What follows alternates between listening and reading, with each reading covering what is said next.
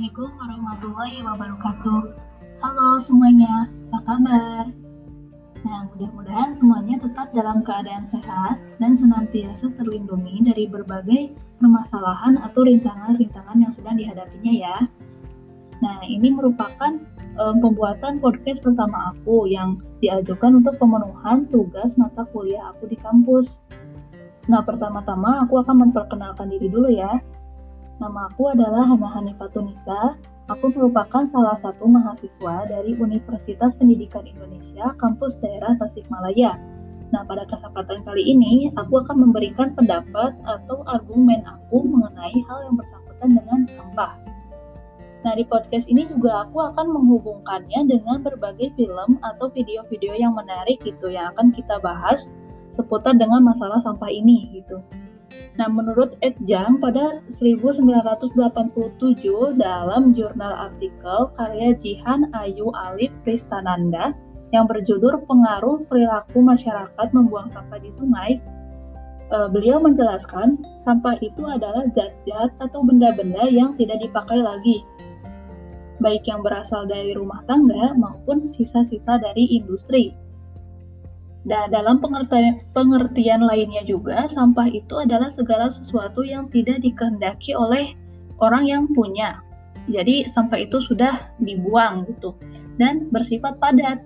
Nah, ada yang mudah membusuk, terutama sampah yang terdiri dari zat-zat organik seperti sisa sayuran, sisa daging, daun-daun yang gugur dan sebagainya gitu. Sedangkan ada juga eh, yang tidak mudah membusuk atau uh, terdiri dari zat-zat anorganik gitu. Se misalnya itu ada kertas, ada karet, ada logam, ada kaca, plastik, dan sebagainya.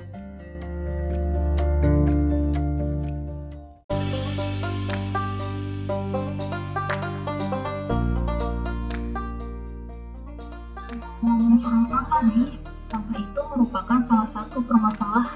ada di Indonesia, bahkan di dunia yang berkaitan dengan kebersihan lingkungan. Kasus-kasus yang menyangkut masalah kebersihan itu setiap tahunnya itu selalu meningkat. Perilaku masyarakat dalam membuang sampah sembarangan dan kurangnya kesadaran pentingnya menjaga alam sekitar itu menjadikan perilaku menyimpang sebagian masyarakat dalam menyikapi perihal sampah ini. Nah, yang seperti dijelaskan tadi juga bahwa tidak semua sampah itu yang dihasilkan itu ramah lingkungan. Sampah plastik misalnya, dengan label sampah yang sulit diurai oleh alam, plastik menjadi salah satu permasalahan serius terkait kebersihan di dunia ini. Nah, kemudian aku akan kaitkan tema sampah ini dengan beberapa judul film dan video yang menarik dan membahas mengenai sampah pula. Nah, yang pertama ada film Wall-E. Nah, di film ini kita akan disuguhkan dengan penyajian film fiksi yang sangat apik dibalut dengan permasalahan mengenai sampah. Di sana, bumi itu digambarkan sudah tidak layak huni lagi, dikarenakan permukaan bumi itu sudah hampir habis dikuasai oleh sampah. Namun, meskipun seperti itu, peradaban manusia masih berharap ada masa depan yang indah di bumi. Nah, di film ini ada satu hal yang sangat uh, menurut aku menarik yaitu pembuangan sampah di ruang angkasa.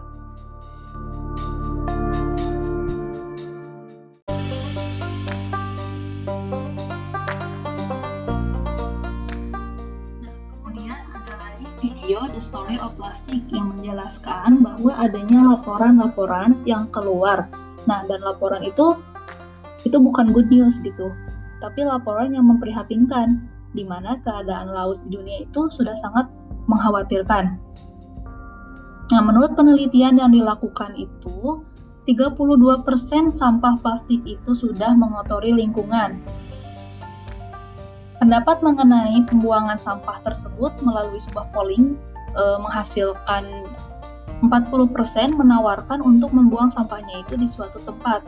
Nah, jika aku kaitkan lagi dengan film tadi, film Wall-E, pembuangan sampah itu bisa dibuang di ruang angkasa gitu. Mengingat bahwa manusia itu meyakini bahwa ruang angkasa itu sangat-sangat luas dan manusia masih um, kalau aku persenkan itu masih 0,00000 sekian persen gitu yang sudah diketahui atau dijelajahi oleh manusia. Gak usah jauh-jauh, toh di bumi juga khususnya di perairan atau di lautan, menurut artikel yang diliput oleh Liputan 6 bahwa manusia dalam menjelajahi lautan itu baru hanya 10% dari total uh, luas lautan tersebut. Nah, dengan kata lain, mungkin masih uh, permukaannya aja gitu. Nah, lanjut pada polling tadi, 40% itu menyatakan untuk dibakar. Tapi pembakaran sampah juga bukan suatu pemecahan masalah yang efektif gitu. Karena dengan terlalu seringnya membakar sampah juga akan menimbulkan masalah lainnya dari mulai kerusakan lingkungan sampai permasalahan pada kesehatan. Nah, lalu ada 14% juga yang menyatakan untuk melakukan daur ulang. Nah, namun mirisnya di sini hanya 2%, 2% saja yang e, didaur ulang itu dapat dikatakan secara efektif.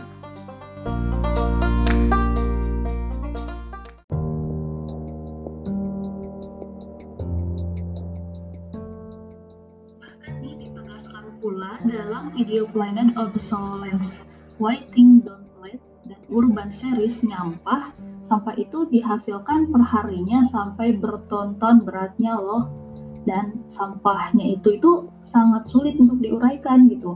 Bahkan dijelaskan pula sampah yang mencemari lautan bukannya hilang, tapi bakal menjadi mikroplastik yang e, menurut penelitian 2050 nanti nah mikroplastik itu akan lebih banyak daripada jumlah ikan yang ada di lautan.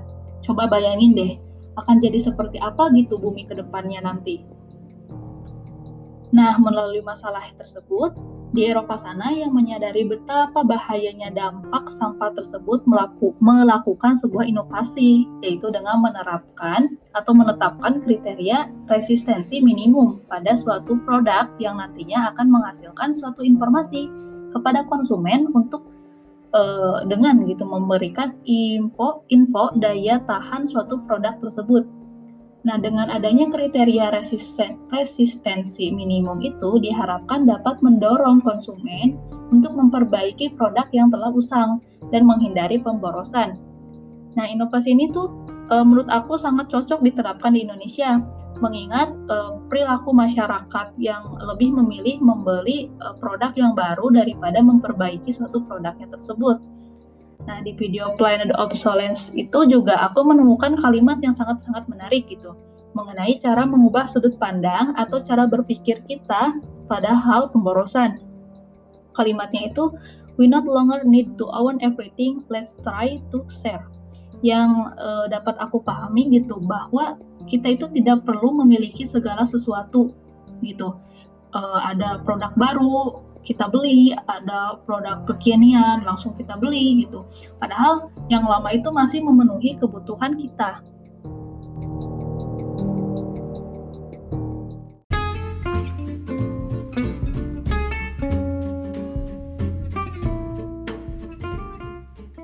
kemudian aku juga menemukan beberapa istilah yang menurut aku itu menarik untuk aku bahas gitu yang ada di film Wall-E dan Urban Series Nyampah. Nah, kalau di film Wall-E itu ada tokoh fiktif Eve. Eve itu adalah nama sebuah robot yang berupa yang berupa singkatan dari Extraterrestrial Vegetation Evaluator. Nah, di mana si Eve ini merupakan robot yang mengemban sebuah tugas atau sebuah misi untuk uh, pergi ke bumi gitu, untuk melihat kondisi kondisi apakah bumi tersebut masih layak atau tidaknya untuk ditinggali. Yaitu dengan cara Eve harus menemukan suatu benda Nah, apa sih bendanya itu? Yap, bendanya itu adalah tumbuhan hijau. Nah, tumbuhan di sini itu menjadi sebuah indikator. Apabila di sana masih ada tumbuhan, itu tandanya bumi tersebut masih layak untuk ditempati oleh peradaban manusia gitu. Nah, kemudian eh, di video nyampa juga ada istilah unik yaitu ICEL atau Indonesian Center of Environmental Law itu sebuah organisasi non pemerintah yang uh, independen uh, yang di dalam itu berkaitan dengan hukum lingkungan terli terlibat dalam advokasi dan pemberdayaan masyarakat. Nah, kemudian di film eh, di video yang sama juga ada istilah FMCG atau Fast Moving Consumer Goods dan Fast Fashion. yang uh, dapat aku artikan gitu produk produk-produk yang memiliki perputaran produksinya itu dengan cepat. Nah, produksi yang dihasilkan itu berkaitan erat dengan kehidupan sehari-hari seperti makanan dan minuman instan gitu, perlengkapan mandi dan lain sebagainya.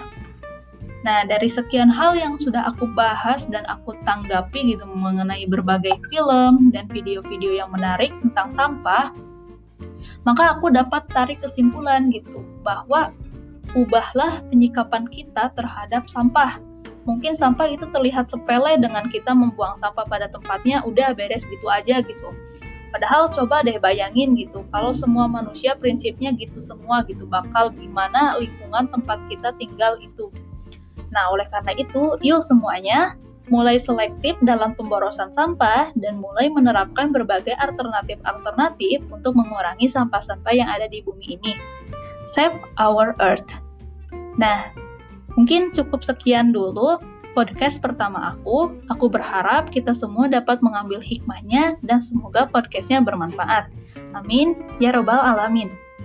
Akhir kata, wabillahi taufiq wal hidayah. Wassalamualaikum warahmatullahi wabarakatuh.